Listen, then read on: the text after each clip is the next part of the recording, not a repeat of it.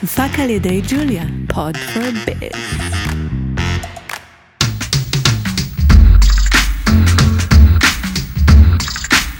כסף של אחרים.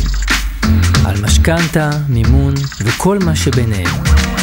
הפודקאסט של אבירם טננבאום. אהלן אורי, אהלן אבירם. מה העניינים אליה? הכל טוב. כבר בן בית פה אליה. מה זה? פעם לגמרי. שנייה איתנו, היית איתנו בפרק על המימון יזמי נדל"ן, והיום אנחנו נדבר על אה, אשראי עסקי. יאללה, שוט. יאללה, אז רק אני אזכיר, פודקאסט כסף של אחרים, אני אבירם טננבאום, מפרדס ייעוץ פיננסי ומשכנתאות, מומחה למימון, וכמו שהבנתם, היום יש לנו פרק נוסף עם האורח שלנו, אה, אליה צור. היום אנחנו נדבר על אשראי עסקי, גם זה נושא סופר מגוון, סופר מעניין, וגם פונה להמון המון אנשים. והפעם תורי יהיה להגיד שיש ניוזלטר. הלאה. נכון. אז תפרט גם איך נכנסים וזה. לא, קודם כל אתה רושם לך פרדס אה, ייעוץ אה, פיננסי בגוגל, אתה נכנס לאתר, אתר מאוד יפה, אתה גולל עד למטה ואתה נרשם לניוזלטר, מובטח שהוא לא חופר, לא ואני חופר. אומר מעדות אישית שהתוכן שם איכותי, רלוונטי וממש חובה בכל בית. וגם אה, אנחנו נותנים שם אה, תזכורות כל פעם שעולה פודקאסט. ברור. ככה שלא תפספסו פרקים נוספים שלנו. אז אה, אליה, מה זה אשראי עסקי? או-אה, או, זהו, נגמר הפרק. נגמר נטלת. לי פטיש חמש קילו על הראש. תודה רבה, היה טוב. כן. אז ככה, אשראי עסקי, בקצרה, הוא כל אשראי שהוא לא פרטי. אוקיי, זה אשראי עסקי. עכשיו סיימנו את הפרק. נדל"ן, מסחר, תעשייה, אה, קמעונאות, הכל. לא, אבל זה גם ניתן לישות עסקית, לא לבן אדם פרטי שהוא שכיר. ודאי, אשראי עסקי ניתן אה, אה, לעוסק מורשה, לחברה בע"מ, פטור, לשותפות. עוסק פטור גם, לא? אה, פחות. פחות. פחות, כן. פחות מעניין. אז מי שוב, עוסק מורשה. ומעלה וצפונה? מי עוסק מורשה צפונה זה מה שמעניין. שותפויות, חברות בע"מ. נכון וגם עמותות אגב. וואלה. כן כן גם עמותות נהנות כאילו גם עסקי. גופים ללא מטרת רווח, זה בגלל שזה לגוף ולא לאדם אה, פרטי, אז זה עדיין נחשב תחת ההגדרה של אשראי עסקי. נכון. אוקיי, אז אה, בוא, בוא תשרטט לי, ת, תן לי נגיד דוגמה ל... לדבר, לאשראים העסקיים העיקריים, הכי שכיחים שאנחנו אה, נכיר. תראה אנחנו יכולים או לדבר על מוצרי האשראי או לדבר על צרכני האשראי. אז בוא אני אעשה את זה קצר אוקיי? אוקיי. מבחינת צרכני האשראי אה, אפשר להתחיל מבעלים. של איזושהי חנות, נגיד, לא יודע, פיצוצייה, בסדר? תחנת טוטו לוטו, שהחליט שהוא רוצה להתרחב, אוקיי? או שהוא רוצה לקנות עוד מלאי, או שהוא רוצה לפתוח אה, פינת קפה, וצריך 300-400 אלף שקל כדי להתניע את כל התהליך הזה. וואחד מכונת קפה. סוג אחד, וואחד מכונת קפה. 300-400 אלף שקל למכונת קפה, אהבתי. חביבי זה ביי מיתוג. לא, הוא עושה זה- גם אה, בירה מחבית, אה, הוא- הבנתי, הוא אוקיי. עף על אוקיי. הכל. לא, הוא אני אוהב אנשים. שמשקיעים בקפה, אתה יודע. אוקיי, אמ, סוג שני יכול להיות אמ, אה, איזשהו יזם שמתעסק בתשתיות. אוקיי, משהו גדול כאילו. מה? שזה כאילו משהו גדול. נגיד אוקיי. אה, שהוא זכה במכרז של אה, נמל חיפה, אה, בעצם לשכור מהם שטח ולהפעיל עליו מתקן אחסון לוגיסטי. אוקיי, וזה מסובך. יכול להיות מימון של מה? של מאות מיליונים? אה, יכול להיות בכל סכום, תלוי בגודל השטח. כן. זו בעצם עסקת תזרים, הבנק לא יכול לשעבד את הקרקע. אה, זו עסקה עסקית, עסקית לכל דבר, זה מימון שהוא סולו. שוב, יש כאן אה, איזשהו אה, שעבוד שוטף על החברה, בלה בלה בלה בלה בלה. טוב, זה נראה לי, אנחנו מקדימים קצת את, ה, את המאוחר. אז כן. בעצם אמרנו, אני רוצה קודם כל לשרטט איזה כמה, דווקא נלך למוצרי אשראי. אבל לאו דווקא מוצר אה, אה, ספציפי, אם זה הלוואה, אם זה מסגרת, אם זה קו אשראי, לא ברמה הזאת, אלא ברמת סוגי האשראי. האם זה אשראי... אה, עם ביטחונות, אה, האם זה הלוואת סולו, אם או, זה מצוין. מסגרת, זאת אומרת, יותר ברמת הקריטריון, ברמת הקטגוריה, סליחה. מצוין, אז ככה, קודם כל, סוג האשראי הראשון, שמעניין כל בעל עסק, הוא אשראי סולו. מה זה סולו? כלומר, אני אה, אה, בעל עסק, בא אליך המממן, הבנק, או חוץ בנקאי, או לא משנה מי, ומבקש ממך להעמיד לי הלוואה, או מסגרת אשראי כזו או אחרת, אה, בלי שום ביטחונות, בלי שעבודים, בלי אה, אה, אה, נכסים שנכנסים לסיפור הזה, בלי לשעבד רכבים, בלי כלום, הלוואה סולו פר הלוואה. בלי ביטחונות, שזה בעצם מאוד דומה להלוואה רגילה בנקאית שכל בן אדם פרטי לוקח מהבנק שלו. פשוט הלוואה רגילה, זה אני, אלה ההכנסות שלי, זאת ההתנהלות שלי, אני רוצה כסף, לא משעבד לך כלום, לא חותם לך על כלום. חותם לך אגב. לא, חותם על הסכם הלוואה, אבל לא, לא ערבויות, לא דברים כאלה. תראה, אין דבר כזה שמישהו לוקח הלוואה ולא חותם על ערבות אישית. אוקיי. אם זה קורה, זה קורה במקרים מועטים מאוד, ולרוב כשהאשראים גדולים מאוד, אוקיי? אתה אומר דווקא שהם גדולים מאוד. דווקא כשהם גדולים מאוד. אה, שוב, בואו לא ניכנס לזה, כי זה אוקיי. רחוק מאיתנו. אז היינו בסולו, בוא נמשיך בסולו. אז היינו באשראי שהוא אשראי סולו. אה, לרוב אשראי כזה, הלוואה כזו מגיעה עם מסגרת אשראי, אוקיי? המממן, יש לו אה, אינטרס שתהיה לקוח פעיל, תעביר אצלו פעילות, תעביר מחזור, זה מייצר לו גם ודאות. זאת אומרת, אם אני הולך לבנק ורוצה הלוואת סולו, סביר להניח שגם ירצו שתהיה לי פעילות באותו בנק. אז זה או בבנק שכבר יש לי חשבון, או שאני אפתח חשבון לצורך העניין. נכון, נכון מאוד, אוקיי. נכון מאוד. ואז תהיה לי גם מסגרת. נכון. אגב, הרבה פעמים את, תפקידו של יועץ הוא לעשות אה, אה, סיבוב בבנקים אחרים ולחזור בסוף לאותו בנק של אה, אותו לקוח אה, ולהניח אה, על השולחן את ההצעות, כן. את ההצעות האחרות שהוא כן. קיבל. זאת אומרת, יש כאן, אה, זה, זה שוק שלם שאפשר אה, לעשות בו המון המון התמחרות, המון המון שופינג. אוקיי, אז, אז זה הלוואות סולו. אבל הוא מאופיין באשראים שהם יחסית נמוכים. בסכום. נכון. אוקיי. מה זה נמוך בתפיסה שלך? תראה, יש כאן אה, אה, שאלה של שיעור של אחוזים, בסדר? ויש אה, שאלה של הכסף, אוקיי? עצמו. אנחנו, רוב ההלוואות שמועמדות, אם זה במערכת הבנקאית, אם זה, אה, אגב, גם בחוץ בנקאי, אה, אה, אנחנו מדברים על אזור בין 200, בין 200 אלף אה, שקל, בסדר? לאזור המיליון, מיליון וחצי שקל, תלוי בפעילות של, ה, של העסק, של החברה, כל זה בלי, בלי שום שעבוד ובלי וואלה. בלי שום דבר. מן הסתם, אם אתה עסק קטן, תקבל פחות, ואם אתה עסק גדול, תקבל יותר. נכון, אם אתה עסק, בפרופורציות. נכון, אם אתה עסק קטן, אז כושר ההחזר שלך קטן יותר. ואם אתה עסק גדול, אז כושר ההחזר שלך גדול יותר. ומבחינה, ועצם העובדה שבעצם אני מקבל הלוואה בלי להעמיד בטוחות, זה משפיע גם על המח"מ, זאת אומרת על הפריסה של ההלוואה? כן, כן. איך? יש לצורך העניין, אה, אה, תראה, השאלה היא בסופו של דבר גם מה מטרת האשראי, אוקיי? אה, אה, רוב ההלוואות יהיו או למטרת השקעה, או למטרת כיסוי פערי הון חוזר. כן. כלומר, מהרגע שבו מכרתי מוצר ועד הרגע שבו קיבלתי תמורה, הוצאתי כסף. נכון. אה, ונוצר כאן איזשהו פער, אוקיי? הכסף, הכסף הזה שאני מבקש נועד לממן אותי בתקופת הפער. כן. אה, אז אה, זו לצורך העניין מטרה אחת, כמו שאמרתי, מטרה שנייה יכולה להיות השקעה. כן. אני, יש לי מפעל, אני רוצה להקים קו ייצור.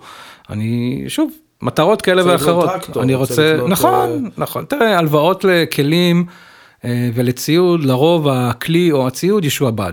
כן, אתה יודע, אוקיי. נתתי דוגמה באמת שהיא הולכת... זה גם מטיב את התנאים. זה, זה הופך אותם ליותר פשוטים. נכון. בסדר, הכל, אה, זה כמו הלוואת אה, ליסינג או מימון אה, רכב. כן, אז, אז בעצם הלוואת סולו, אם אני רוצה לסכם, זה הלוואה שהיא מאוד דומה להלוואות צרכניות רגילות שאנשים פרטיים לוקחים. הלוואה ללא ביטחונות, אני לא משעבד איזשהו נכס לצורך העניין. לרוב זה יתאפיין בסכום שביחס לאשראי עסקי הוא לא מאוד גבוה, בגלל שאין לי בטוחה, שלא העמדתי בטוחה. ובגלל שהמממן- גם הפריסה לא תהיה מאוד ארוכה. נכון, וגם בגלל שהמממן מעדיף לתת הרבה הלוואות כאלה קטנות, ולא מעט הלוואות כאלה גדולות. כן, בעניין של אה, פיזור סיכון. ודאי. מה, שאתה אומר, מה ריבית סבירה שאני יכול לחשוב ש, שאני אקבל על דבר כזה? אנחנו מדברים על אזור הפריים, בין אה, פריים פלוס 2.5 לפריים פלוס 3.5. זה בבנקים. זה האזור של אה, הבנקים, זה האזור של אה, קרנות לעידוד עסקים, בערבות המדינה, מי שמכיר. כן.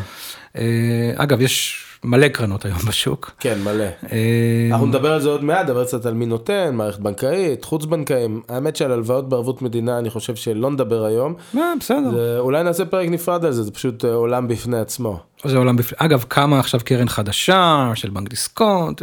יש, יש, המון פעילות, המון, יש תנועה, יש תנועה בשוק. כן. יש תנועה בשוק, שוב, גם בגלל עליות הריבית, ובעצם מצב שהעסקים נקלעו אליו כרגע, שהם פשוט, חנוקים. זאת אומרת, יש צורך בשוק, ומן הסתם, שוק חופשי, אז קמים אה, אנשים שרוצים לתת מענה לצרכים האלה. יש ואקום. במחיר הנכון, כמובן. כן. הכל במחיר הנכון. נכון.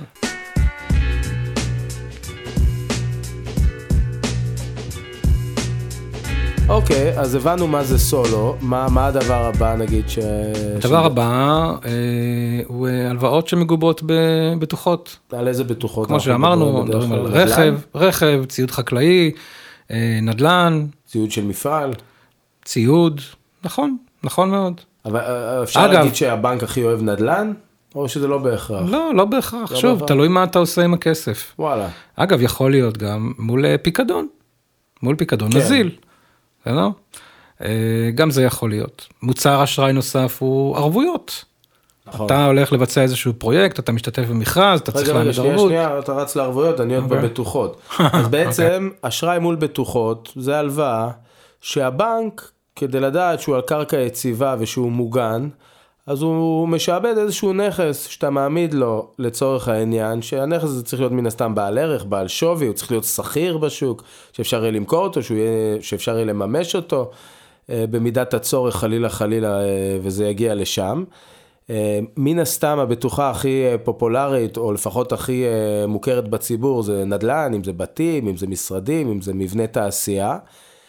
ומה מאפיין הלוואות עם בטוחות? זאת אומרת, אה, למה לי לשעבד? מה, מה זה נותן לי? תראה, זה, לך זה נותן אה, אה, לא הרבה, למממן זה נותן אה, בעצם אפשרות להיפרע מהחוב כולו, או מחלק הארי של החוב. לא, אבל אם אני, אם אני הבאתי בטוחה, כנראה שזה חוזר אליי בצורת אה, תנאים טובים יותר, פריסה ארוכה יותר, יוצא לי מזה משהו, לא? לרוב, לרוב זה חוזר אליך בצורה של אה, עצם העובדה שתקבל את האשראי שאתה מעוניין בו. זאת אומרת, לפעמים זה בכלל ההבדל בין לקבל ללא לקבל. בוודאי, אוקיי. וכמובן כל מה שקשור גם במשך. אם לצורך העניין אה, יש לי נכס והנכס הזה לא משועבד ולא ממושכן. אתה יודע מה בוא אני אתן לך דוגמה מלקוח. יש לי אוקיי. לקוח, אה, הוא גר באיזשהו אזור מאוד מאוד יפה בארץ ואותו לקוח מחזיק אה, צימרים. כדי לממן את ההקמה של בריכת השחייה במתחם הצימרים שלו, הוא נדרש לקחת משכנתה מסחרית מדרגה שנייה על הנכס שלו. על הבית. נכון. אה, וזה אשראי מסחרי לכל דבר. עכשיו כשאנחנו מדברים על אשראי מסחרי מול נדל"ן, אנחנו מדברים על אה, אזורי מחיה, בסדר? מבחינת זמנים, שנעים במקסימום בין 12 שנים ל-17 שנים, בסדר? לרוב זה יהיה 12 שנים. זה אורך- אפשר גם אורך חיי ההלוואה, אתה מתכוון. אבל אפשר גם להגיע, אם ממש רוצים, בגופים מסוימים ל-20 ו-25 אפילו. אפשר להגיע ל-25 שנה, שוב, הכל תלוי ברציונל. כן. מה הרעיון כאן, בסדר? אם אני בתור מממן מרווח לך ונותן לך אה, פריסה ארוכה יותר, אה, אני עושה את זה מתוך איזשהו היגיון מסוים, כן. לא סתם. אז בעצם אנחנו מבינים שזה יכול לייצר לנו פריסה הרבה יותר נוחה, לעזור לנו תזרימית. אפשר להגיד ככלל, כמובן שיש יוצאים מן הכלל, אפשר להגיד שככלל, הלוואה עם בטוחות לרוב תהיה זולה יותר מבחינת ריבית? לאו דווקא. וואלה, אתן לך דוגמה. אוקיי. אה, נניח אה, והחלטתי להגיע לאיזשהו מממן חוץ בנקאי, שאין לי אצלו חשבון בנק, אני לא פותח אצלו חשבון, אוקיי, וכשאני לוקח ממנו הלוואה, אני משאיר לו איגרת חוב. אוקיי. אני משאיר לו צ'קים. אה, אצל אה, המימון החוץ, אגב, המימון החוץ בנקאי היום, אנחנו תכף נגיע לזה, יש מקרים שבהם הוא זול יותר מהמערכת הבנקאית, אוקיי? שזה נשגב מבינתי. אז אני אסביר את זה לעומק.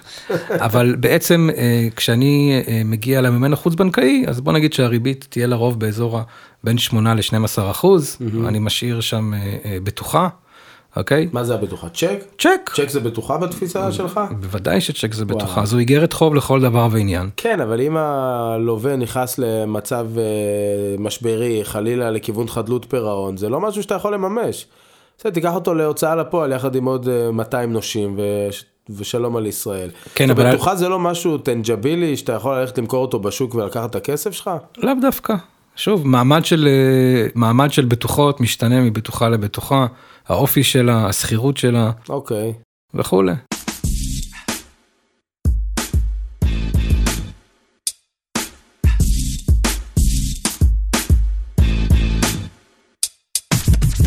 אוקיי, אז, אז בעצם ה, ה, מה שדיברנו עכשיו, הסולו והבטוחות, זה כולל תחתיו כמעט את כל מוצרי האשראי, חלקן עם בטוחות, חלקן בלי בטוחות, אבל זה באמת מכניס תחתיו אה, המון המון מוצרים שונים. Mm-hmm. יש המון מוצרי אשראי, זה גם תלוי ענף. אז אנחנו לא ניכנס לכל המוצרים השונים, כמובן שאם למישהו יש שאלה, אז גם יהיו את הפרטים שלך בתיאור הפרק. אה, בספוטיפיי וגם מוזמן לפנות אלינו ואני אעשה את החיבור ובאמת יש לך ידע בכמעט כל מוצר, אתה, זאת אומרת, ידע עצום בעולמות האלה, מוצרים שאני לא שמעתי עליהם בחיים שלי. וכרגע הייתי רוצה לדבר קצת אה, על עניין סקטוריאלי. האם יש הבחנה בין סקטורים שונים, האם אני בא לבנק ויש לי קייטרינג, מסעדה, או שאני בא לבנק ואני, לא יודע מה, חברה יצרנית עם אה, מפעל. אז קודם כל, בהחלט יש הבדל. אה, בחלק מהמקרים, כשה, אה, כשהעסקה הולכת לאישור לוועדת אשראי, ייתכן אפילו שהיא תגיע לאנליסטים שונים, שמתעסקים בתחומים שונים. יש להם איזה מומחיות ענפית כזאת. נכון, נכון, נכון. יש לנו לוגיסטיקה ותשתיות. אתה יכול לתת לנו איזה כמה דוגמאות לענפים מסוימים שכל אחד מקבל יחס אחר בבנק כדי שנבין את השונות? כן, אני אסביר, אני אסביר. יש הבדל בין מסעדה שניגשת לבק... לקבל אשראי מבנק, mm-hmm. לבין עסק של קייטרינג שניגש לקבל אשראי. וואלה, למרות ששניהם עושים את אותו שניצל עם פירה.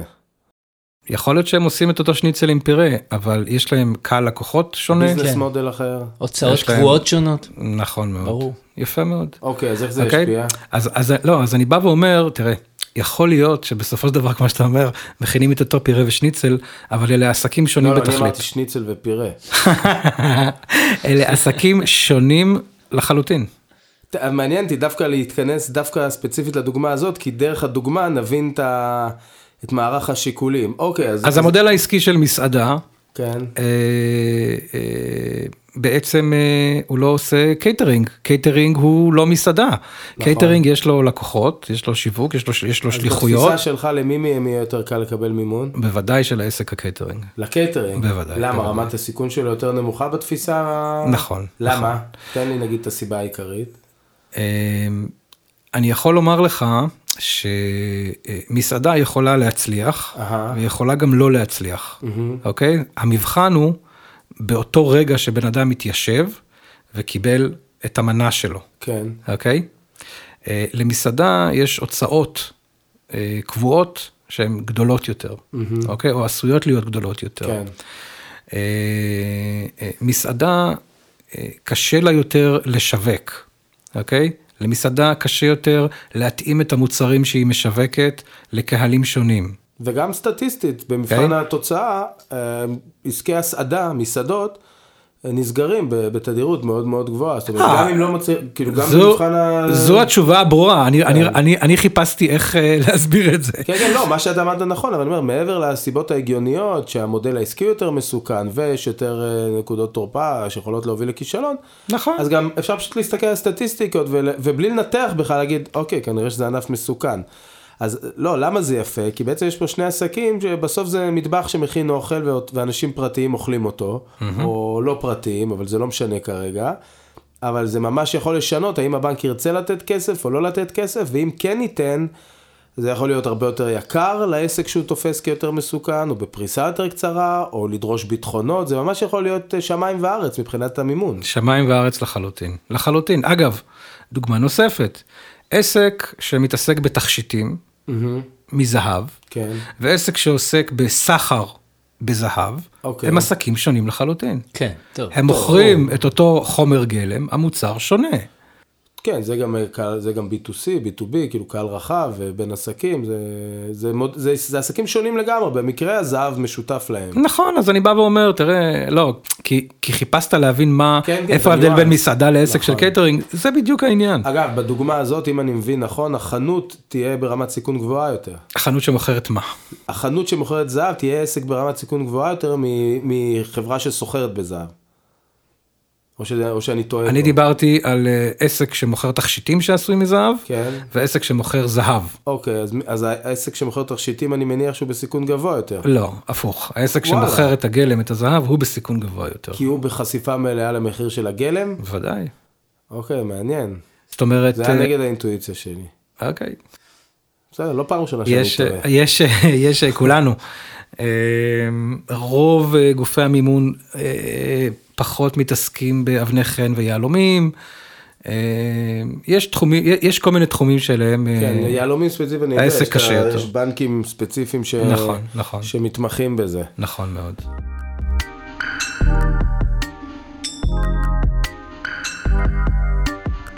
אז עכשיו הייתי רוצה לשמוע קצת על השוק, אני מבין שהשוק הזה חווה תמורות משמעותיות. בוא תראה- תספר לנו על זה קצת. תראה, אנחנו מדברים על מהפכה של ממש. אוקיי, אנחנו מדברים, אה, אנחנו נתחיל, אה, נחזור אחורה לשנת 2015, ועדת שטרום. אוקיי, בעצם אה, המטרה היא לפתוח את השוק לתחרות. אה, שוב, בתחום האשראי. כן. ושוב, תוך כדי ניקוי השוק בכל מיני גורמים שהם אה, אפורים, או נקרא לזה גורמים עברייניים. בעצם רצו בסדר? ל- ל- למלא את הוואקום שהזמין אליו את השוק האפור. נכון. גורמים אפורים. נכון, וכל זה באמצעות רגולציה שהיא ברורה. כן, ואני לא רוצה להיכנס לכל הסיפור של ועדת שטרום, כי זה לא שיעור בהיסטוריה, אבל אני רוצה לדבר על האפקטים אה, של ועדת שטרום ומה יאללה. שקרה, ובעצם איפה אנחנו עומדים היום. אנחנו עומדים היום, אני אזכיר לכולם איפה אנחנו עומדים היום, ישראל, 2022, אוטוטו 2023, ריבית הפריים, שהיא הריבית העסקית, אוקיי? היא הריבית שמקבלים בהלוואות, ברוב ההלוואות אה, אה, העסקיות, היא 4.75. כן. זו ריבית הפריים. נכון. כלומר, אם קיבלת הלוואה בריבית פריים פלוס שלושה וחצי אחוז, אתה- אז מה תהיה 8%, הריבית? ורבע. יפה מאוד, אוקיי? זה כמו הלוואה שמקבל אה, סטודנט שאין לו שום הכנסה, שצריך 3,000 שקל לחמש שנים כדי לקנות לפטופ. בסדר? אשכרה. זו אותה ריבית, כן. חבר'ה, זו הריבית. בואו, שלא, שלא יהיה פה בלבול. כן. זה העולם שבו אנחנו כן, חיים. פריים פלוס שלוש וחצי זה אפילו, זה גם לא נחשבת הלוואה רעה. זה הלוואה סטנדרטית. נכון, נכון, אבל ככה זה נראה היום. אוקיי, בקיצור, אה, מה ש... הדבר הראשון שוועדת אה, אה, שטרום הובילה אליו, הוא כל מה שקשור בדרישות הון, דרישות הון מקלות לתאגידים נותני אשראי. כלומר, כל מיני שחקנים שהם לא בנק, והם לא חברת ביטוח, והם לא בית השקעות, והם לא... שחקנים פרטיים. נכון. נו. יכולים להיכנס לשוק ולהעמיד אשראי. אז קודם כל, פתחת את לא השוק לתחרות. לפני כן? מה זה? הם לא יכלו לפני כן? או שהם יכלו בדרישות דרקוניות? הם יכלו בדרישות דרקוניות, מבחינת ו- רישיון? רישיון, מה? הלימות הון וכולי וכולי וכולי דברים. אז כאילו, בוא נשאר ב-level הזה, אז בעצם פתחו את השוק ליותר שחקנים פרטיים, הורידו חסמים. נכון. כלומר, גם, גם אני כבן אדם פרטי יכול לבוא עם ההון שלי ולהחליט במקום להשקיע אותו בדירה, אני רוצה להשקיע אותו בעסקים ולתת הלוואות? בתנאים מסוימים מן הסתם, צריך להוציא בתנאים רישיון. אבל- מסוימים, אתה ברור. צריך להוציא רישיון, אתה, אתה, אתה כן צריך שיהיה לך איזשהו הון מסוים כדי לעשות את זה, בסדר? אבל בוא נגיד שכן, איש עסקים שיש לו, לא יודע, כמה עשרות מיליונים, ומחליט שמבחינתו עסק טוב זה עכשיו אה, להלוות לאנשים במדיניות אה, חיתום כזו או אחרת. ודאי. הדרך סלולה בפניו, הוא צריך לעשות א', ב', ג', ד', אבל הדרך סלולה וזה, בפניו. וזה בדיוק הדבר הבא שעשתה הוועדה, היא יצרה איזשהו מדרג רגולטורי למתחרים חדשים בתחום. כלומר, היא בעצם השוותה את הסטנדרטים הישראלים לסטנדרטים בינלאומיים. אגב, ככה היא הצליחה לנקות את השוק מכל מה שהיה אפור, אהה. אוקיי? ככה שלמעשה כל שחקן אה, אה, שרוצה לתת אשראי אה, חוץ-בנקאי במדינת ישראל, צריך בסך הכל לעמוד בהתניות ולקבל רישיון. יפה. התהליך הפך לפשוט יותר. ובעצם אני מבין אבל שבד בבד עם התהליך הזה, הם גם הגנו על הצרכן, זאת אומרת הם קבעו גבולות גזרה מבחינת ריבית, ואם אני לא טועה, יכול להיות שאני טועה, יש משהו שנקרא חוק אשראי הוגן? נכון, נכון, יש, נכון, אה, נכון, נכון, זה by-product. כן. אה, זה by-product, זה בא בעקבות זאת, או יחד עם זה ביחד? אני לא זוכר בדיוק, אני חושב שכן. כן, אוקיי. אה, הדבר השלישי הוא בעצם אישור לגופים מוסדיים לפעול בתחום האשראי הקמעונאי. אה, לפני כן נגיד כל הבתי השקעות, הלוואות על קרנות השתלמות, כל ההשקעות בחוב של חברות ביטוח, זה התחיל משם? כל זה, כן, בכפוף לעמידה בתנאים שמציב משרד האוצר, לא המפקח על הבנקים. זה לא, זה לא, ללא גופים בנקאיים. יופי. מה המשמעות של זה? המשמעות היא שיכולת גיוס הכסף, אוקיי? הזול, על ידי חברות ביטוח או שחקנים בשוק ההון, הפך להיות דומה מאוד לזה של הבנקים. והם לא כפופים לרגולציה בנקאית. והם לא כפופים גם- זה לרגולציה נותן להם הבנקאית. יתרון תחרותי חזק. כן. איזה עוד יתרונות יש להם לגופים האלה? אין להם מהירות תגובה. מיליון סניפים. אוקיי? אה, ברמת הם לא ה- מעסיקים מיליון עובדים, אוקיי? בעצם נוצר כאן מצב שהם נותנים fight אמיתי למערכת הבנקאית. אז היום בעצם עסק שרוצה אשראי מכל סוג שהוא, אני מתאר לעצמי שיש עדיין אה, סוגים מסוימים שאתה תלך לבנק, אבל בכללי עסק שרוצה אשראי, הוא כבר לא הולך לבנק על אוטומט. תראה, זה לא יש סוגים כאלה ויש סוגים כאלה. יש אנשים שיש להם התניות כאלה ואחרות. לא, אני אני שיש לוקח מוצרי כסף אשראי מהבנק. איזוטריים שאולי גוף פרטי לא יודע לתת, לזה אני מתכוון. נכון, יכול להיות. כן. יכול מאוד להיות. תראה, יש הבדלים, אני תכף אגע בהם. אבל בעצם ההבדל המשמעותי בין גוף בנקאי לבין גוף חוץ בנקאי שמעמיד אשראי, הוא אחד, מהירות. היום מגיע עסק, בסדר? נגיד יש לו מחזור של 2 מיליון שקלים בשנה, הוא רוצה לקחת עכשיו הלוואה של 300 אלף שקל, הבנק שלו לא נותן לו, מסיבות כאלה ואחרות, בסדר? והוא מגיע אליי. אומר לי, שמע, אני רוצה לגייס 300 אלף שקל. יופי. מה לעשות איתו? היום הריביות שהוא יקבל, בסדר? כן. אה, כשהבנק החדש מבין שאם היה יכול לקחת בבנק שלו היה לוקח, כן. אוקיי? מה, הריבי, מה הריביות שיקבל? פריים פלוס שלוש וחצי, פריים פלוס ארבע, לפעמים אפילו יותר, וזה רק על ההלוואה, לא, כן. לא על מסגרת אשראי, נכון. אוקיי? אה, וזה ייקח לנו בערך חודש, בין שבועיים לחודש. לעשות את המהלך. נכון. ילך אותו אחד, בסדר? מגיע אליי, ואנחנו הולכים לגוף חוץ בנקאי. מגיעים לגוף חוץ בנקאי, יש היום, ששוב, אני להערכתי- פותח פה סוגריים, בדיוק מה שאתה עומד להגיד, חוץ בנקאי זה שם כללי למלא חברות. עם מלא אסטרטגיות חוב שונות, יכול להיות, אה, יכול להיות גוף חוץ בנקאי עם חיתום שמרני ממש כמעט כמו בנק, וגם התנאים שלו יהיו טובים, ויכול נכון. להיות גוף שכל עוד אתה, יש לך בטוחה ודופק, הוא ייתן לך את הכסף, אבל בתנאים, אה, השם ישמור עלינו, יש כאלה? תראה, בטוחה וד... לא, הסיפור הזה כבר נגמר. היום, אה, בעצם כחלק מה... מה... מההגדרות, הר... הדרישות הרגולטוריות, יש היום בכל גוף כזה קצין ציות, אוקיי? אה, העסק הזה הוא תחת רגולציה, אין יותר שירקס, בסדר? תביא בטוחה, וקח את זה וסע. אגב, בטוח שיש כאלה, אני כן. פשוט לא מתעסק איתם ואני, שוב, לא, לא, לא ממליץ. כן, אז, אז רגע, איפה שקטעתי אותך, אה, אז בעצם עמדת לתאר את ה-case study שבא אליך מישהו, רוצה 300 אלף, הבנק שלו לא נתן לו, ואתה רוצה לקחת עכשיו... נכון, אז במקום, אז. במקום שתהליך כזה ייקח בין שבועיים לחודש, אוקיי, לפתוח חשבון חדש, ופה וזה, ופגישות ועניינים, הוא יכול פשוט לפנות, לבקש אשראי ולקבל בין 200 ל-300 אלף שקל, לטווח זמן של בין שנה לשנתיים, אוקיי? זה לא נורא מעט? זאת אומרת, זה מה שהוא רוצה? זה, בבנק זה מה שהוא היה מבקש גם? לא, לרוב בבנק היה מבקש לחמש שנים, אוקיי? זאת אומרת, יש פה הבדלים. כן. אבל לפעמים, או מה זה לפעמים, בתור מישהו שמנהל עסק, בסדר?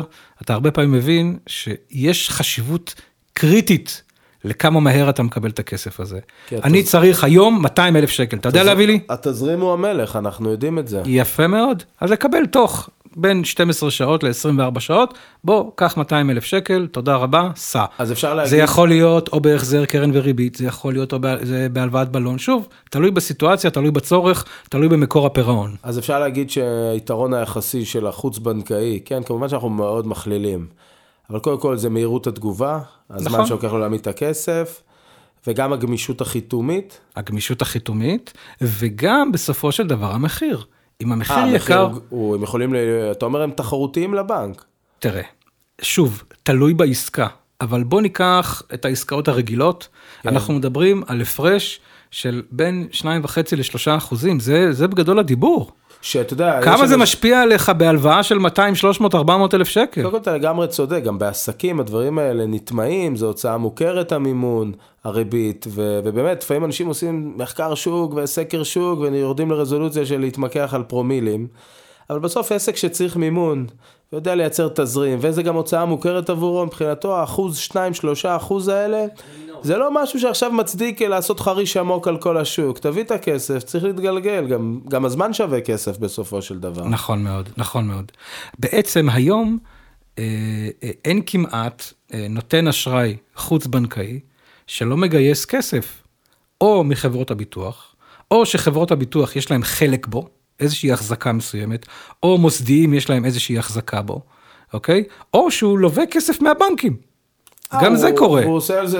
כן, הוא לווה הוא עושה בעצמו. בדיוק את מה כן. שעושה הבנק. בסדר, כי הוא לוקח. את הסיכון במקום הבנק. הבנק לא היה מוכן לקחת את הסיכון, והוא כן. האמת שזה כן, כן. ואתה יודע אולי להעריך אה, נתחי שוק, זאת אומרת, אני מבין שהחוץ בנקאי כובש לו עוד ועוד אה, נתחי שוק, אתה יודע להעריך היום את ההתפלגות? קשה לי לומר, קשה לי, יש בכלל סטטיסטיקות מסודרות על הדבר הזה? אני בטוח שיש. אני לא יודע לומר בדיוק מה שאני יכול לומר, בתור מישהו שעוברים אצלו סדר גודל של 100, 100 ומשהו לקוחות בחודש. אה, זה, זה, זה, זה, זה מטורף. זאת אומרת, הרבה פעמים הצרכים של הלקוח הם עכשיו, כאן ומיד. כן, אבל אתה איש מקצוע, אתה חי את השוק, אתה יודע לאן לנתב את הבן אדם בהתאם לצרכים שלו, ואתה גם חי את העולם החוץ-בנקאי, כי שוב, אתה מומחה בענף. אני מניח שרוב האנשים שהולכים ועושים את זה לבד, הדיפולט שלהם זה ללכת לבנק. תראה, אנשים כבר הרבה פחות חוששים. וואלה. אה, ולא תמיד ה default הוא ללכת לבנק, הרבה פעמים, הרבה פעמים אה, בעלים של עסק מחזיק התנהלות בנקאית שוטפת כזו או אחרת, והוא משתמש ב, ב, ב, במימון החוץ בנקאי למלא חורים כאלה ואחרים, אה, לבצע עסקאות של factoring, לנקות צ'קים, לממן יבוא, להקים קווי ייצור, שוב, הכל שאלה של מה הצורך. אה, מה המטרה של הכסף, אה, ו... ומול מי אני עובד. זאת אומרת, היום אנשים יודעים שהם יכולים לפנות לשוק החוץ-בנקאי ולקבל אשראי שהוא לא, הוא לא שונה בהרבה. כן, עכשיו, עכשיו אנחנו מתקרבים לסיום, אבל יש פה עוד נקודה אחת שרציתי לדבר עליה, שבעצם הפריחה של השוק החוץ-בנקאי פתחה אופק לאנשים שיש להם אה, קשיים מבחינת BDI והרקורד הבנקאי שלהם, שפעם היו מוקצים. נכון. והם נאלצו ללכת למחוזות הפחות סימפטיים של שוק האשראי, ופתאום יש להם אפיקים נורמטיביים. נכון, אז וזה גם מתקשר, רק לפני שנייה, ש... שנייה לפני שתגיעי, מתקשר גם לנושא של המאגר נתוני מידע, לחוק נתוני מידע, שהיום הכל שף... שקוף, וגם הגופים האלה מדווחים. אז בעצם כולם יודעים הכל על כולם, לטוב ולרע. כולם יודעים הכל על כולם, לטוב ולרע, והכל שקוף לחלוטין. קשה מאוד להסתיר היום. אגב, זה לא מומלץ אף פעם, אוקיי? כן. אבל uh, עדיף לבוא לשים את הדברים על השולחן. חד משמעית. אה, זה כמעט לא קורה היום. אה, אז כן, הכל שקוף לכולם. כי מרבית אה, גופי המימון החוץ-בנקאיים מדווחים היום למערכת אה, נתוני אשראי. כן. אה, בעצם אה, מצטבר מידע על כל מיני סוגים של אשראי אה, ועל התנהלות פיננסית של אותו אה, אה, לווה. אה, לווה, אם זה אדם, אם זה חברה בע"מ, אם זה ישות משפטית כזו או אחרת, ומקבל דירוג. אז בעצם אותו לווה, ש... שיש לו BDI בעייתי. אז קודם כל אני אשמח ממש במשפט או שתיים, שתיתן את ההגדרות, פחות או יותר מה זה, מה זה בעיות אשראיות, זאת אומרת איזה דברים אה, נחשבים כבעיה אשראית, ואיזה פתרונות בגדול הוא יכול למצוא היום, שלא היו לו לפני חמש או שבע שנים. תראה, מישהו שחזרו לו שניים שלושה צ'קים, מישהו אה, שיש לו החזרים בהוראות קבע, אה, אה, מישהו שנכנס אה, אה, לבעיות, בסדר? שוב, בכל מה שקשור בהחזר חוב, הוצאה לפועל, גם אפשר. לטפל? אה, גם מישהו שיש לו אה, תיקים בהוצאה לפועל ולעזור לו לצאת מתוך אותו אה, אם אה, מישהו כבר מקום. נמצא בחשבון מוגבל, זה משהו שאפשר לגייס לו אשראי. אה, לרוב זה יקרה מול בטוחות. ו... ונגיד מישהו בכינוס, בהליכי כינוס, לפני הפטר, אם מישהו נמצא בהליכי כינוס והכונס כבר פרסם, אז אין מה לעשות. אהה. אם אתה לפני זה, אז ודאי יש מה לעשות, אבל כן. גם אז עולה השאלה כמה זה משתלם, אוקיי? עד כמה משתלם לי לעשות את זה? בהינתן שלא עשיתי את זה קודם כשיכולתי, לעשות את זה בלי לחץ. כי עכשיו התנאים יהיו הרבה תלוי, יותר אה, תלוי. שוב, תלוי. אני, בוא אבל ננסה שנייה לא, לא ללכת למקרה לא ללכת הקיצון. לקצוות. כן, תראה, הקצוות הם, הם, הם תמיד, הם נורא נורא מסובכים, הם נורא נורא מורכבים, השורה התחתונה היא, הם יקרים. כן. בסדר? כן. אם אנחנו מסתכלים על המיינסטרים, אז במיינסטרים, אדם שיש לו אה, התנהלות שהייתה בעייתית, אוקיי? אה, או שנמצא היום באיזושהי בעיה, ואתה יודע לבוא ולהסביר אותה, מה הצורך באשראי וכולי, אתה יכול למצוא פתרון, פתרון גמיש. הבנק מחויב בסופו של דבר לרגולציה, יש לו תנאים קשיחים שבנק ישראל מעמיד, אוקיי? ב, אה, אה, ב, במימון החוץ, הבנק, אה, החוץ בנקאי זה, זה, זה לא קיים.